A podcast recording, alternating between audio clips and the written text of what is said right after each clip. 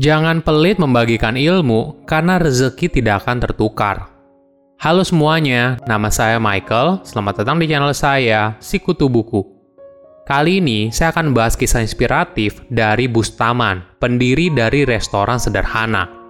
Berawal dari tukang cuci piring di restoran, dia mampu berjuang keras hingga akhirnya menjadi pengusaha sukses.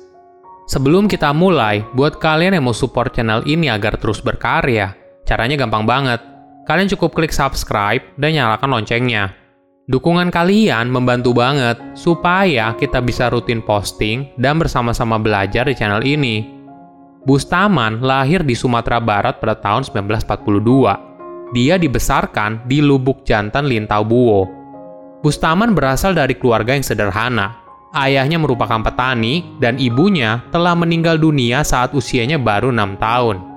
Pendidikannya juga sangat terbatas, Bustaman hanya lulusan kelas 2 sekolah rakyat atau setara dengan sekolah dasar. Dia terpaksa tidak bisa bersekolah karena saat itu sudah tidak ada biaya untuk pendidikan. Pada umur 12 tahun, Bustaman ikut ayahnya dan memutuskan untuk meninggalkan kampung halaman demi mencari kehidupan yang lebih baik. Kota pertama yang mereka singgahi adalah Riau. Di sana, ayahnya bekerja sebagai penyadap pohon karet dan Bustaman pun ikut membantu ayahnya. Awalnya dia kira bahwa dia akan bersekolah di sana, ternyata nasib berkata lain. Pada tahun 1955, Bustaman pun pindah dari Riau ke Jambi. Di sana, dia tinggal bersama pamannya yang bekerja sebagai supir bus. Bustaman pun menjalani pekerjaan yang berbagai macam, mulai dari pedagang jagung rebus, kenek angkot, penjual rokok, pedagang asongan, hingga menjadi tukang cuci piring. Dia bersedia melakukan apa saja yang penting bisa makan untuk bertahan hidup. Pada tahun 1970, Bustaman memutuskan untuk merantau ke Jakarta bersama adik iparnya untuk mengadu nasib. Padahal waktu itu, dia baru dua tahun menikah dan baru dikaruniai seorang anak. Di sana, Bustaman memulainya dengan berdagang rokok dengan menggunakan gerobak di pinggir jalan daerah Matraman, Jakarta Pusat. Bustaman buka warung rokok selama 24 jam dengan menjaganya bergantian dengan sang istri.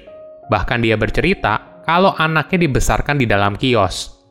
Namun ada kejadian pahit pada tahun 1975. Saat itu, ada perseteruan antara etnis Minang dengan preman setempat. Hal ini membuat Bustaman dan keluarganya terpaksa harus melarikan diri ke wilayah pejompongan. Perpindahan ini membuat penghasilannya turun drastis. Sebagai gambaran, jika dulu di Matraman sehari dia bisa mengantongin Rp8.000, di Pejompongan, Bustaman hanya bisa mendapatkan Rp2.000. Kondisi ini membuat Bustaman berpikir keras dan berusaha untuk mencari penghasilan tambahan. Awalnya dia ingin berjualan martabak manis. Bustaman juga punya teman yang bisa bikin martabak.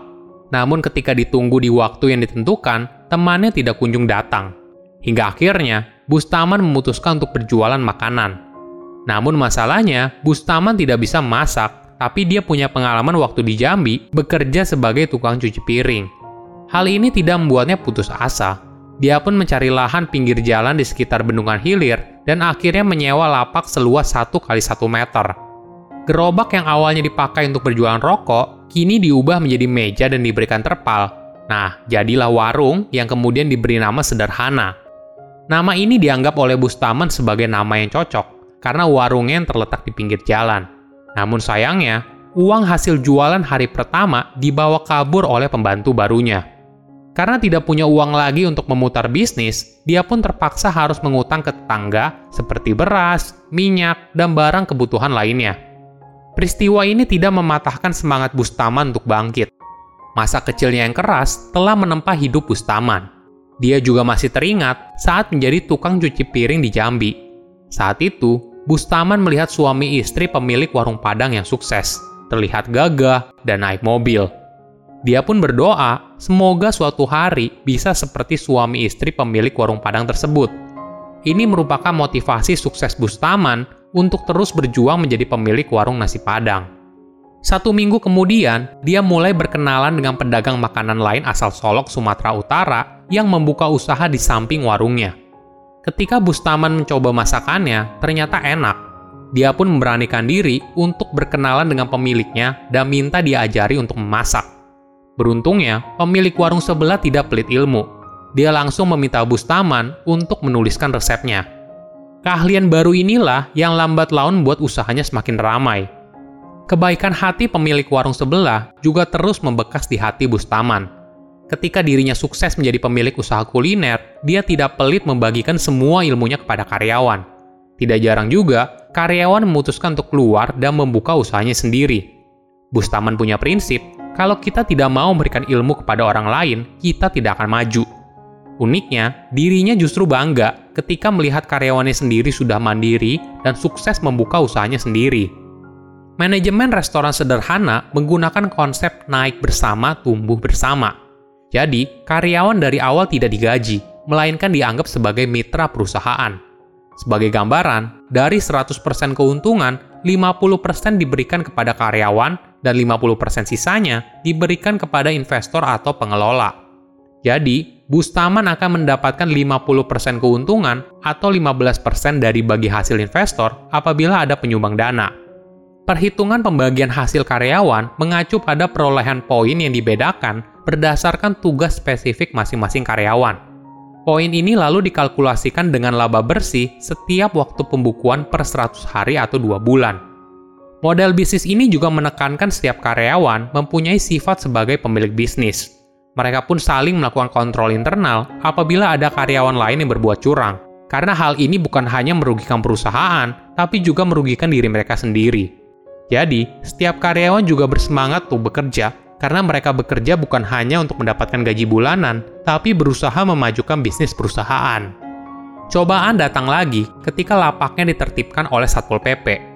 Gerobaknya pun diangkut semua, habis tidak tersisa. Gustaman akhirnya membuka warung di tempat yang telah disediakan oleh pemerintah. Saat itu, setiap orang hanya diberikan jatah satu lapak, padahal Bustaman membutuhkan dua lapak. Dia pun lalu meminjam nama pamannya. Nah, lambat laun, lapak Bustaman pun semakin ramai. Namun ketika ramai, tantenya merasa memiliki lapak tersebut karena masalah hutang piutang. Saat itu, Bustaman memang minjam uang untuk menyewa lapak tersebut, namun hutang tersebut sudah dibayar. Akhirnya dia pun mengalah dan pindah ke tempat lain. Memang rejeki tidak akan ke mana. Warung tantenya pun tidak lebih laris dari warung Bustaman. Pada tahun 1997, Bustaman mematenkan nama restoran sederhana. Mungkin kamu yang pernah makan di restoran sederhana bingung antara restoran sederhana dan restoran sederhana Bintaro. Jadi, awalnya Bustaman dan almarhum Jamilus Jamil merupakan mitra bisnis. Namun pada tahun 2004, Jamilus membuka restoran sendiri dengan nama Restoran Sederhana Bintaro. Hingga tahun 2007, usahanya telah berkembang pesat dan kemudian diwaralabakan. Hal ini yang membuat Bustaman menjadi tidak suka dia pun akhirnya menggugat pemakaian merek dagang sederhana dan akhirnya memenangkan gugatan tersebut pada tahun 2014. Restoran sederhana kini sudah semakin besar, bahkan sudah memiliki ratusan cabang yang tersebar hampir di seluruh Indonesia dan bahkan di luar negeri, misalnya Malaysia. Jangan pelit untuk berbagi ilmu, karena ilmu yang bermanfaat bagi orang lain akan membawa manfaat positif bagi diri kita juga. Silahkan komen di kolom komentar pelajaran apa yang kalian dapat ketika tahu informasi ini. Selain itu, komen juga mau tahu informasi apa lagi yang saya review di video berikutnya. Saya undur diri, jangan lupa subscribe channel YouTube Sikutu Buku. Bye bye.